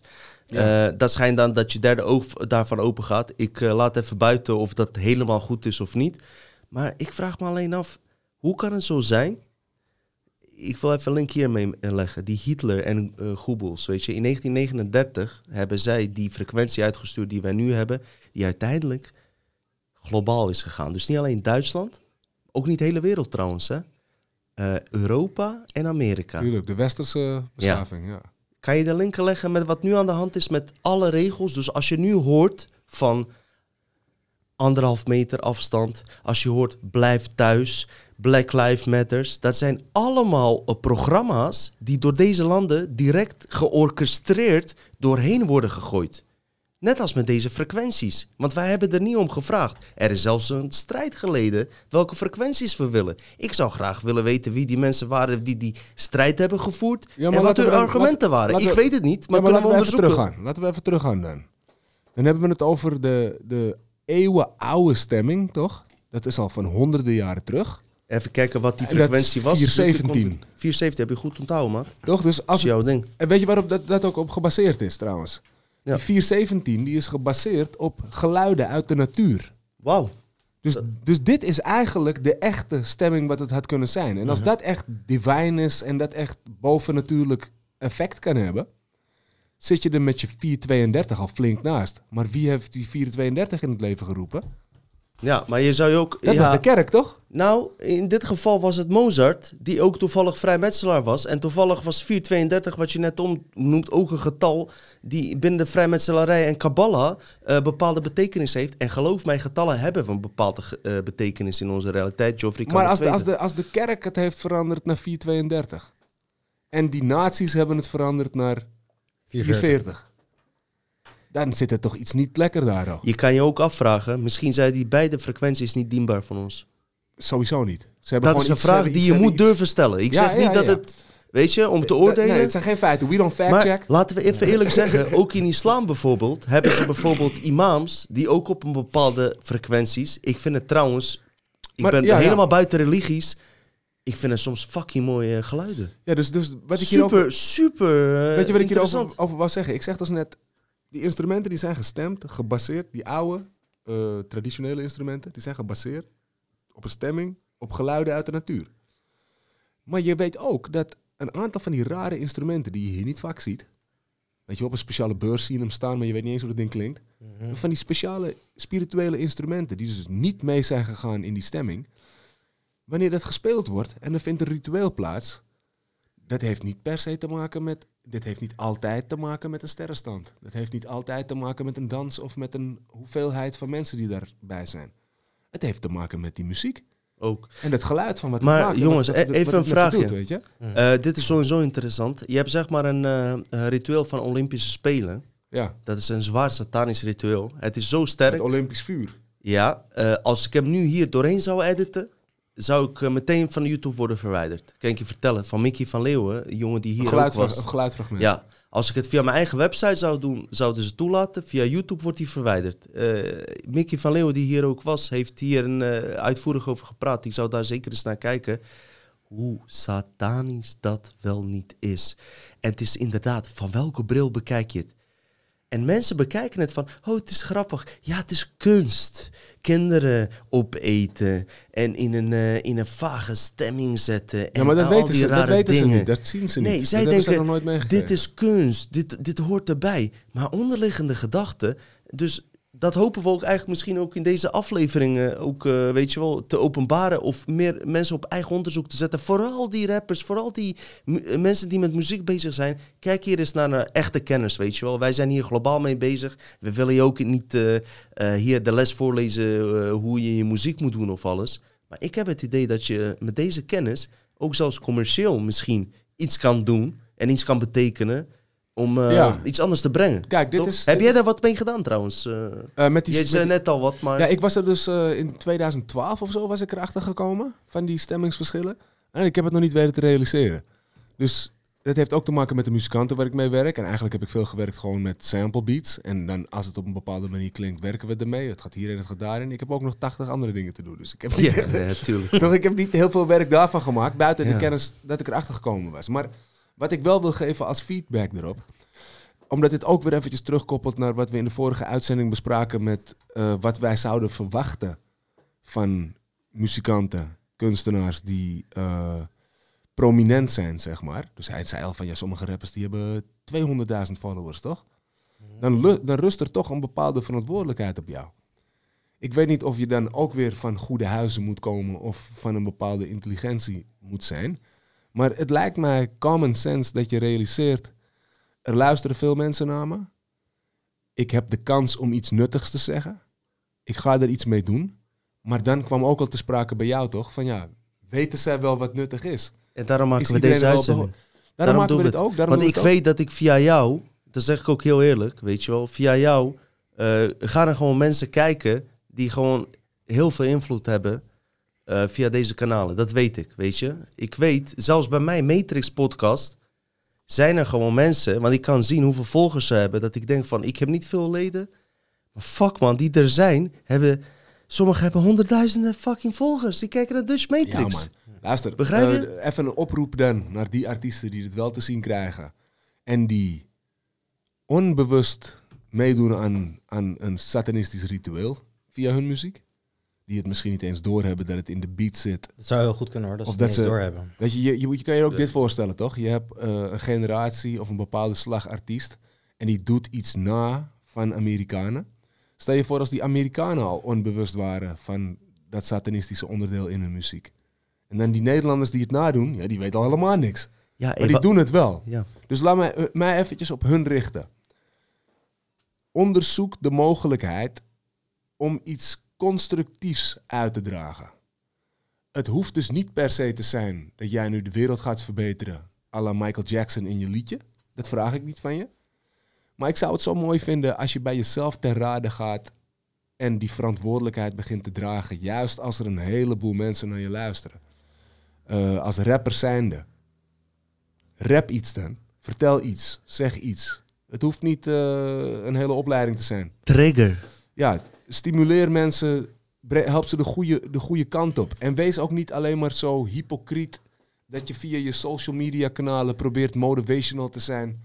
En dan aan het einde van de maand komt je liedje uit en het is gewoon weer verderf en negativiteit. Iedereen is het vergeten. Wat heb je daar nou aan? Nee, kijk, natuurlijk mag je ook eh, over ellende rappen. Dat doen we ook allemaal.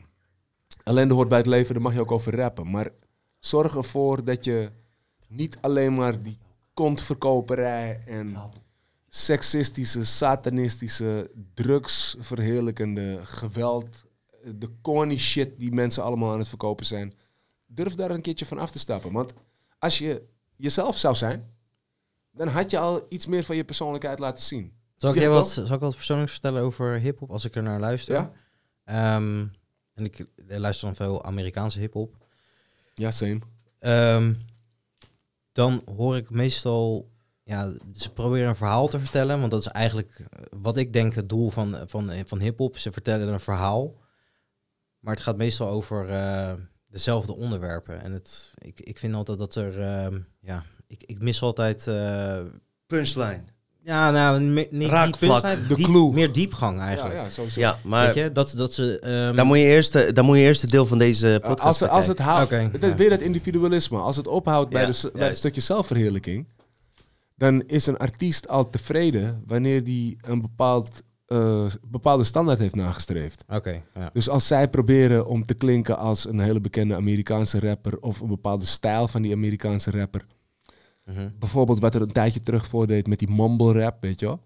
Dat was ook iets raars. Nou, dan zijn, ze aan- dan zijn ze een beetje aan het mumble rappen met een gek autotune refreintje en die beat die heeft een gekke trap drop en er gebeurt iets. Dan is het al, Artificieel Ja, ook, hè? maar dan, dan hebben ze zeg maar binnen die matrix dat al waargemaakt, toch? Van dit is wat we willen doen. Ja. Als dat zo is, zou ik zeggen tegen die mensen, toon wat meer creativiteit. Juist. Probeer wat origineels neer te zetten. Iets van En jezelf. het hoeft niet eens Iets. zo negatief te Het zetten. hoeft niet eens goed te zijn. Als het maar uit jezelf negatief komt. te zijn, Ja. weet je. Het hoeft ook niet... In dat eh, geval zeg ik, rapper Shores, respect ook voor jou, ouwe. Yo, yo, yo. Ja, maar hey, eerlijk hè. Ik zal jullie wat leuks vertellen, ook misschien voor de hiphoppers die naar DRT kijken. Ze dissen elke keer rapper Shores, hè. Weet je wat er aan de hand was? Eén keer... Ik ken gozer niet. eh. Ja, ik wel. Oké. Hey, eh, luister, eh, ik moet wel een beetje heeft een bij hele blijven. discografie. Luister, luister dit, hè. Ik hoor andere rappers eh, zo grappig doen over rapper Shores, hè. Ja. Wat gebeurt er? Ik draai een nummer en op een of andere manier via YouTube kwam rapper Shores automatisch tevoorschijn. Ik kom uit de wc, ik had net gepoept. Fijn dat je het meldt. Mhm, mhm, mhm. Nou, ik meld het niet zomaar. Dat is ook een deel van het algoritme. Als je niet gepoept hebt, Ja. als rapper Jos niet opkomen dagen. Maar Maar luister dit, hè. Ik kom terug naar mijn woonkamer en ik heb niet door dat rapper Shores rapt. Ik denk het is gewoon een Nederlandstalige rap van Lil Kleine of omdat wie genoeg ook. flapdrollen op datzelfde niveau zitten. Ja. Bro, luister even één ding wat ik hiermee wil zetten. Hou op met rapper Shores dissen. Op het moment dat ik verschil hoor tussen rapper Shores en jou, mag je hier bij Dutch Matrix aanschuiven naast DRT. Wauw, dit is wel een hele, een hele gemene naar een heleboel rappers natuurlijk. Luister, ik heb je verteld. Ik ben niet bekend met Nederlandse hip-hop. Ik heb via jou Kaaskoes ontdekt. Ja. Ik ben fan van Kaaskoes.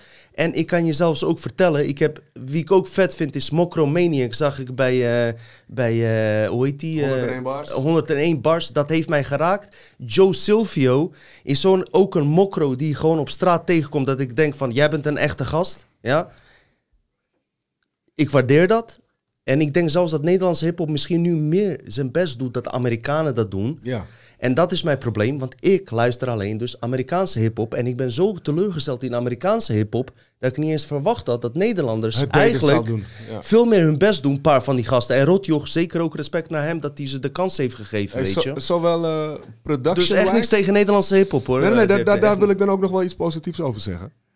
Zowel production-wise als rap-wise is Nederland heel erg in trek. We, doen die, die gasten van die nieuwe generatie, zeg maar, ze boeren niet voor niks dit soort cijfers. Ze hebben iets te bieden, vooral voor de jeugd, en die resoneert daarnaar en die helpt me- met het verstrekken van die cijfers. Alleen dit is dus weer dat binnen de matrix het adoreren van iets, zoals het najagen van cijfers of followers, en het niet benutten van de potentie die je had in, in de rauwe vorm, waar muziek eigenlijk voor dient. Muziek is helend. Muziek is eh, verrijkend.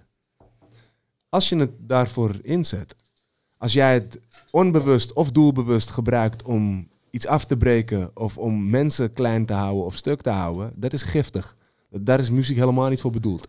Maar helaas, net zoals sport en een heleboel vormen van entertainment, die zijn in de verkeerde handen. Maar bro, Ja, maar 417 hertz, dat heeft ook. Ik heb het gelezen van eh, een, website. Dus als je wat bronvermelding wil hebben, dan eh, ja, goed.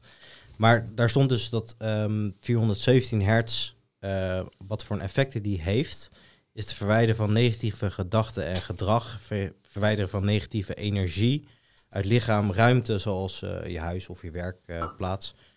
En helpt ook bij trauma. Dus eh, Zo. dit, dit, dit zou ook wel eh, inderdaad... eh, helend. Ja, Kijk, helend, dus, ja. maar, maar- we hebben, no- nog even voor de duidelijkheid voor de mensen die het al kwijt zijn. We hebben het niet over een toon. We hebben het over een toonhoogte, over een stemming. Dus in dit geval, hij zegt 417. Dit zijn dus alle noten die afgestemd zijn op 417. Het maakt niet uit wat voor liedje je zou spelen. Mhm. Op de lange termijn is dit het gevolg wat jij Ja. net vertelt. Ja. Helend, trauma, traumaverwerkend. ja. En ik ga nu even, jij hebt het over helend, ik ga het nu even over vervelend doen. Ja? Eh, Anunnaki invloeden hierop. Want Ja. ik, je weet, hè, ik wil altijd mijn matrix-ding hieraan mengen. En dat kan ik hier ook weer in doen. Ik heb andere duizenden voorbeelden. Wat blijkt nou? Die frequentie die die Googles heeft ingeluid, die we nu hebben, komt uit de Sumerische kleitabletten van Anunnaki, die zij hebben gebruikt.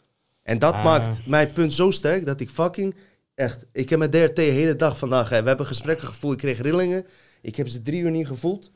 Maar ik, ik heb ze nu weer. Eh, weet je waarom? Puur om het feit, als je de tijd neemt om dit te onderzoeken. En ik zeg ook altijd, weet je. Door dit te weten, kan je ook. Ik ben ervan overtuigd, DRT. Ik heb met jou over gehad. eh, weer gelijkenissen met hip-hop en conspiracy. Ik ben ervan overtuigd dat dit wat wij doen, de nieuwe vorm van hip-hop is. Hoe denk jij daarover, eh, DRT? In de, deze Ja, tijd eh, met podcast en hoe, wat wij nu doen, een nieuwe vorm van boodschappen overbrengen. Even weer een link aan de eerste aflevering. Wij doen het nu op deze manier. Vroeger werd er over gerapt. Dan moest je je best doen om in de discotheek te komen en we- weet ik veel wat. Mhm. Wij brengen het op deze manier. YouTube geeft ons nu nog wel de ruimte. En eh, wij doen het nu. Zie je, als we nu even weer gelijkenissen leggen daarmee. Hoe, hoe zie jij dat? Ja, je hebt gelijk. Dus in het verleden zou je misschien alleen maar erover rappen, toch? Of dan zou je er misschien een keer iets over verteld hebben in een interview. Moet je geluk hebben dat iemand je hoort. En dat het uitgezonden wordt. Ja. En daar, daar, sto- daar, daar bleef je dan hangen. En nu heb jij de kans gekregen en genomen. En ga je nog blijven aangrijpen, denk ik. om toch een serie te maken waarin je een heleboel van deze onderwerpen ontleedt en in kleine brokken aan, aan de kijker kan voeren. En ik hoop ook dat je, dat je een soort interactie gaat krijgen, ook met mensen die hier heel veel van weten, die aansluiten of die door middel van comments of eh, direct message hier komen te zitten, weet je wel, die, die ook jou Zeker. weer eh, verder Zeker, kunnen brengen. zeker. Wat ik hier nog wilde vragen voordat Joffrey gaat beginnen.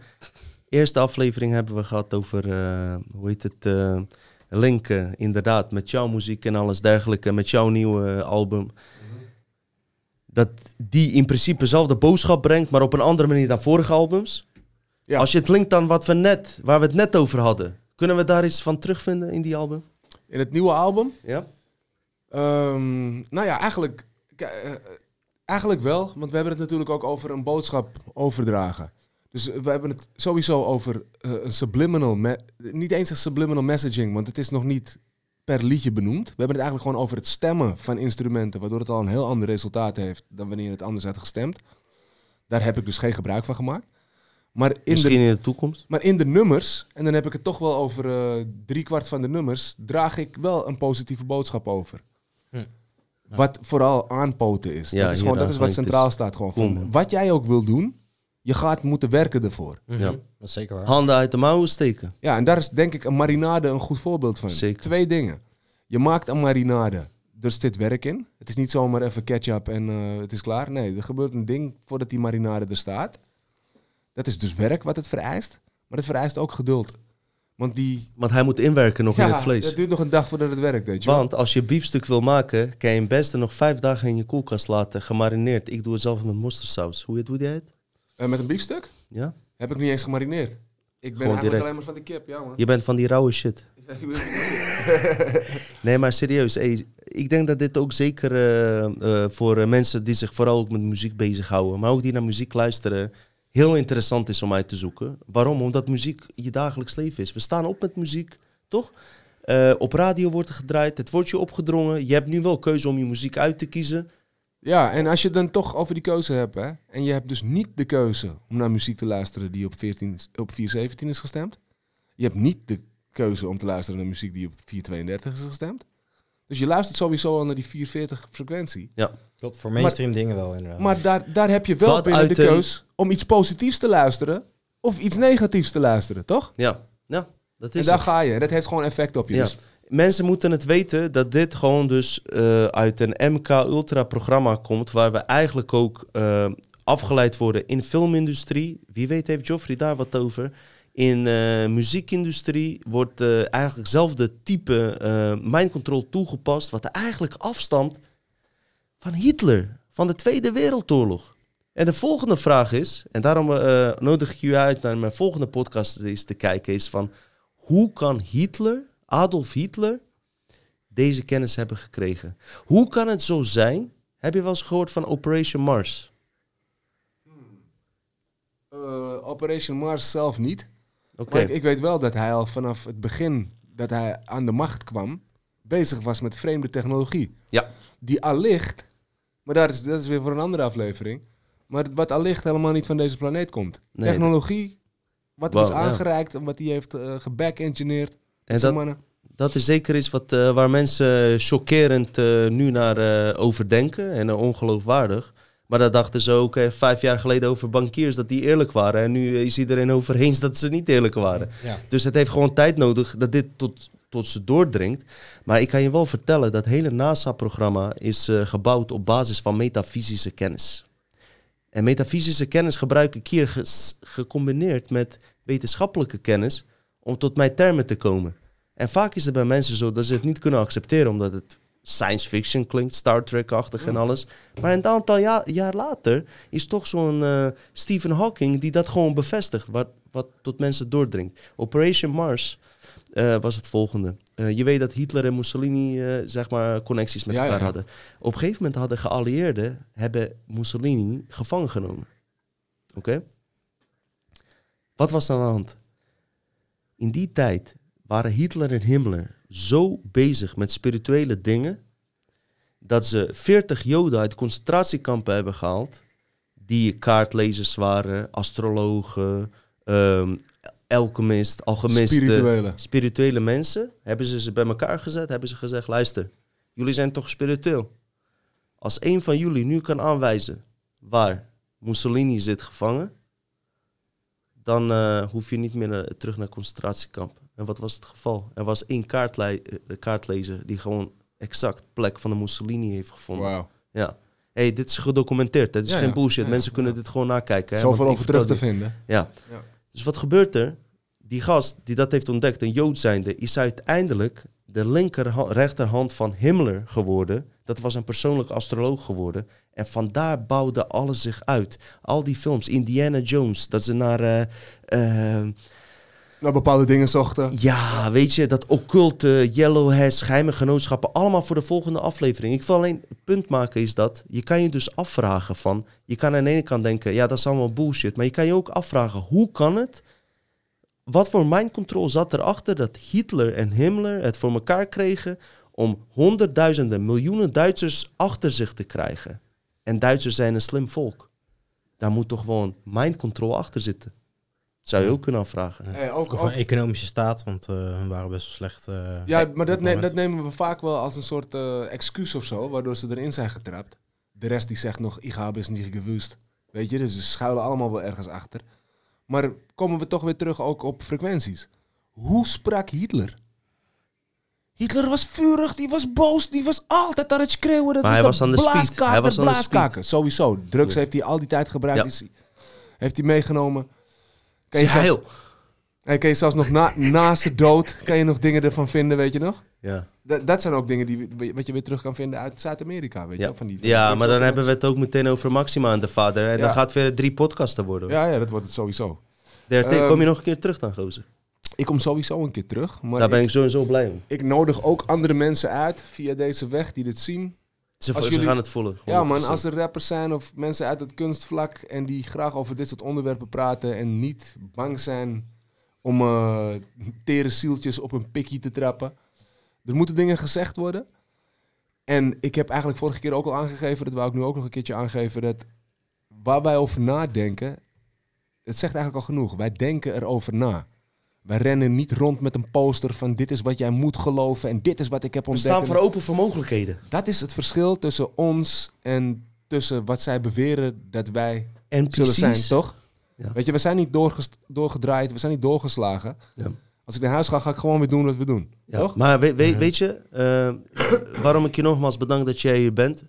Mensen op tv zien bepaalde rappers op tv waar ze gek op zijn. Papa. Maar dat is allemaal goed. Geen probleem. Maar ik weet, want eh, die jongens van Bread Control, die, eh, waar hij gewoon huishouden hield en gewoon grootste naam heeft verslagen, maakt verder ook niet uit. Snap Mhm. je? Ik weet dat DRT een rappersrapper is. Snap je? Dus hij is een rapper die rappers in, inspireert. Ja, dat hoop ik natuurlijk met mijn muziek te doen. Nou, hoop je, dat gebeurt. Geloof ja. mij, ik heb gehoord van mensen. Weet je, je hoeft niet bescheiden te doen. Ik weet dat jij gewoon iemand van een. Met alle respect, weet je. Misschien ben je niet elke dag op tv. Maar er zijn heel veel rappers die nu. Kaaskoes en weet ik veel wie. Maar ma maakt verder niet uit. Die geïnspireerd door jou zijn. En ook vele die ik nu niet ga opnoemen. Dat geeft niet. Eh, geeft niet. En eh, daarom denk ik. Door jou hierheen te, gehaald te hebben. Dat ik dus die connectie met hip-hop kan verbinden. En je hoeft niet als hip-hop hier te komen. Absoluut niet. Het enige wat we willen is. Onderzoek dit dat het je gaat triggeren. zodat je je eigen fucking kanaal maakt. Of iets met je kanaal doet. In plaats van. eh eh, zoveelste herhalingen van dingen die er al zijn. Want je hebt heel veel invloed als rapper. Vroeger hadden rappers dus geen invloed. Het is omgedraaid. Ja. Jullie hebben het in handen. Ik zei net al, ik ga het weer herhalen. Alle alternatieve media bij elkaar, inclusief Jensen, redden niet tegen één kutrapper. Tegen één superbekende kutrapper, ja. Ja. En ik nodig dus ook kutrap. Dat maakt helemaal niet uit of je kut bent of niet. Je ik heb sowieso ja, rare smaak. wil praten, ja man. Ik heb sowieso rare smaak. Ook, ook al vind ik jou kut en het triggert jou. Serieus, je hebt zoveel invloed. En omdat hip-hop, en nu gaan we gewoon tot het slot komen van de eerste en tweede aflevering. Hip-hop is ontstaan. En deze mag, man mag me onderbreken of toevoegen wat hij wil. Is om het volk, ongehoorde volk te laten horen. Waren toen negroïde, zwarte Amerikanen. Wat er nu veranderd is, dat we het allemaal zijn. Dus niet alleen negroïde, zwarte eh, aqua, Aquasianen, eh, Amerikanen. Maar ook blanke mensen. Snap je? Ook blanke mensen en ook Chinezen. Iedereen is de dupe van deze shit. We zijn allemaal de lul. Ja, dat gezegd hebbende hoop ik wel dat de rappers die er wel iets mee willen doen... Gaan je- ze doen, gozer. Ja, maar Geloof dat, mij dat, nou dat je niet meteen, als je iets ontdekt hebt, dat je meteen denkt dat je alles weet. Want dat is Ja. altijd een gevaar geweest, weet je. En, en ga niet in je raps overdreven lopen doen. Wat DRT doet is goed. Doorheen knallen, net als in zijn nieuwe album. Doorheen knallen, want die boodschap komt beter over. Want hij weet hoe die psychologie in elkaar zit. Ga je Ja. er constant over rappen, kreeg je weer die cliché dat je een complotrapper bent. Ja, en, Kunst en- is doorheen knallen zoals DRT doet. Kijk, we zitten natuurlijk ook in een, in een maatschappij waar we heel veel op bevoegdheden en competenties letten, toch? Dus mag jij wel iets vinden van iets? Dat heeft te maken met je papieren. Dus als jij een bepaalde wetenschappelijke studie hebt verricht, ah, dan, vind- dan geloven we het misschien wel wat jij zegt. Ja. In het geval dat wij dat niet hebben gedaan en vele kijkers met ons dat niet hebben gedaan, disqualificeer jezelf nog niet meteen. Nee, nee, nee. Maar wij hebben ook toch er- referentiepunten. Ja, je mag gewoon dingen weten en wat je verstand je toereikt, weet je wel. Luister, wetenschappers, wat, wat er gebeurt is dat hun eh, wordt de focus gelegd op één onderwerp. Ja?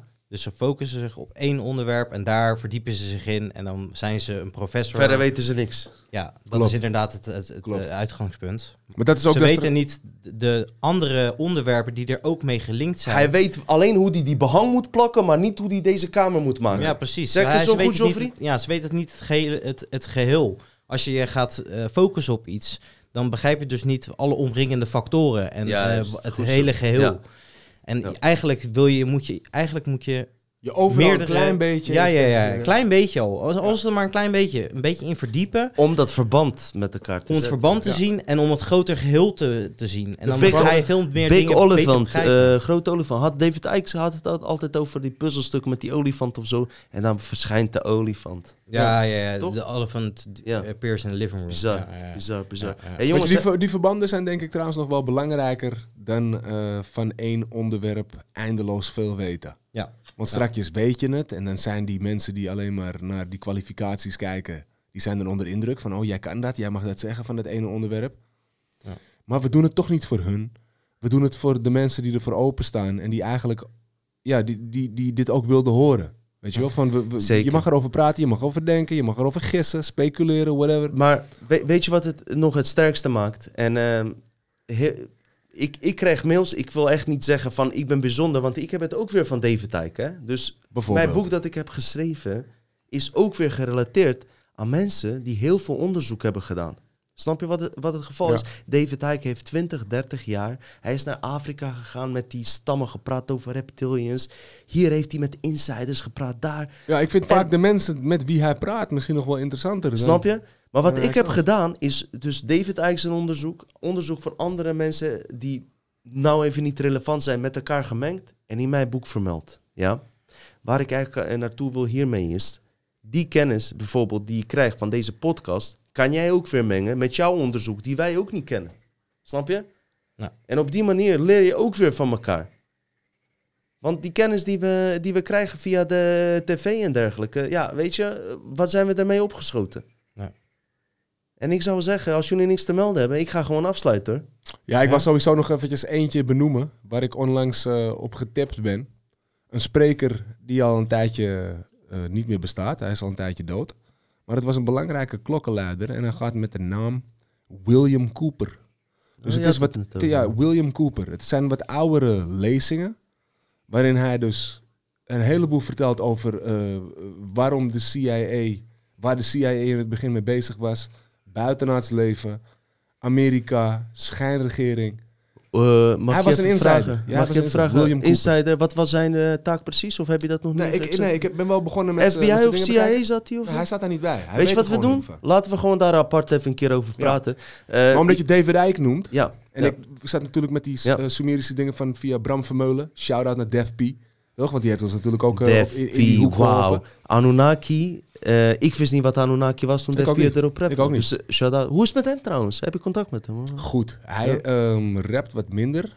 Hij is wat meer aan de kunst. Dus hij Wow. rapt nog steeds. Hij is niet gestopt. Maar dat kunstding van hem, wat hij al een tijdje had onderdrukt, dat krijgt nu eindelijk de plek eh, om te floreren. Ik vind nog steeds jammer. Jullie hebben zo'n dik nummer. Staat niet eens op YouTube. Ik heb hem gehoord met DJ Music.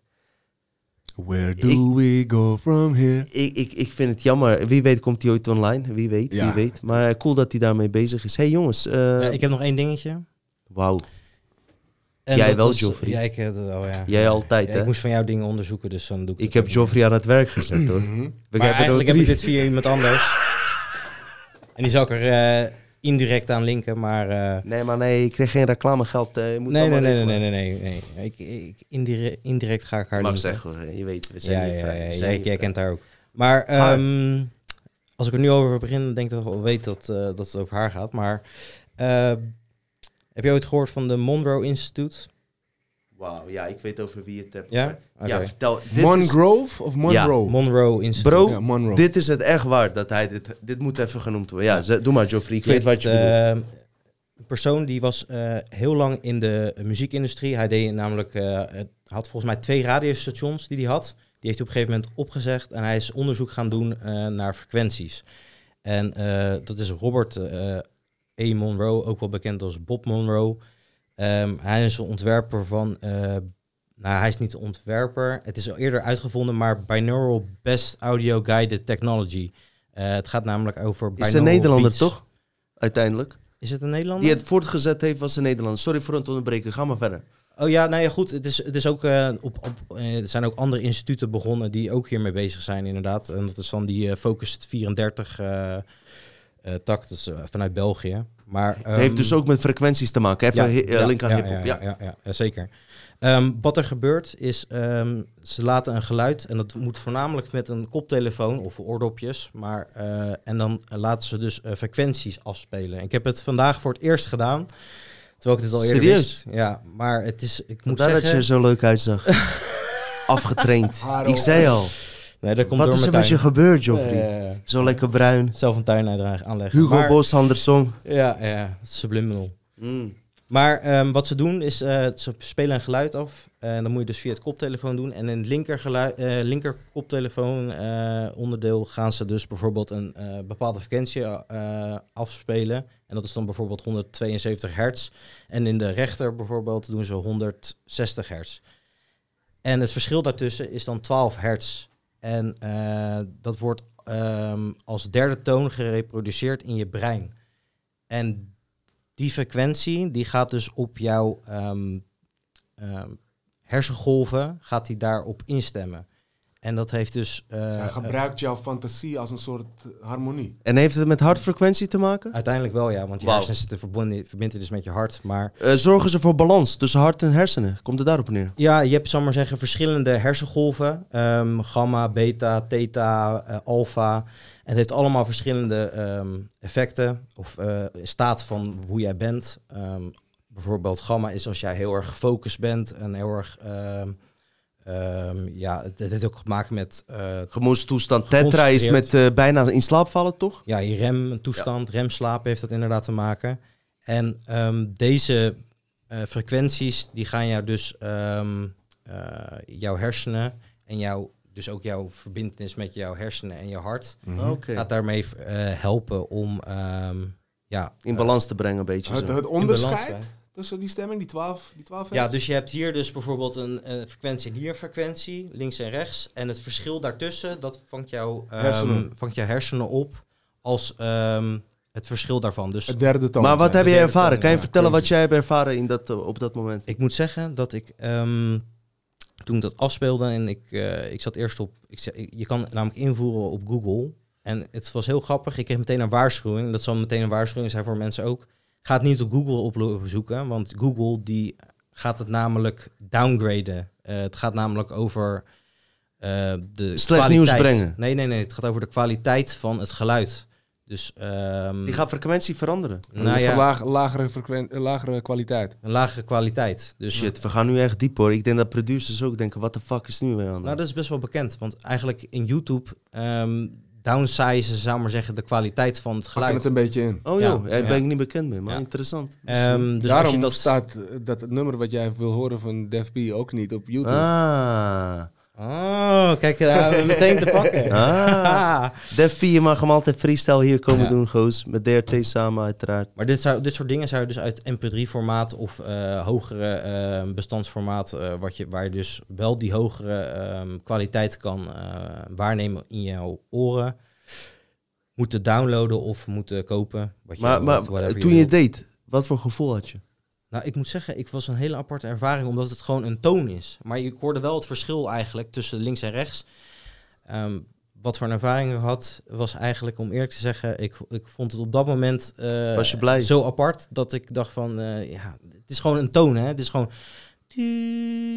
Dat is zoiets ja, ja, hoor ja, je. je hoort het eigenlijk nog niet eens echt. in 12 Een soort van wifi die aangaat, die verbinding legt met andere realiteit? Dat, eh, Zou kunnen.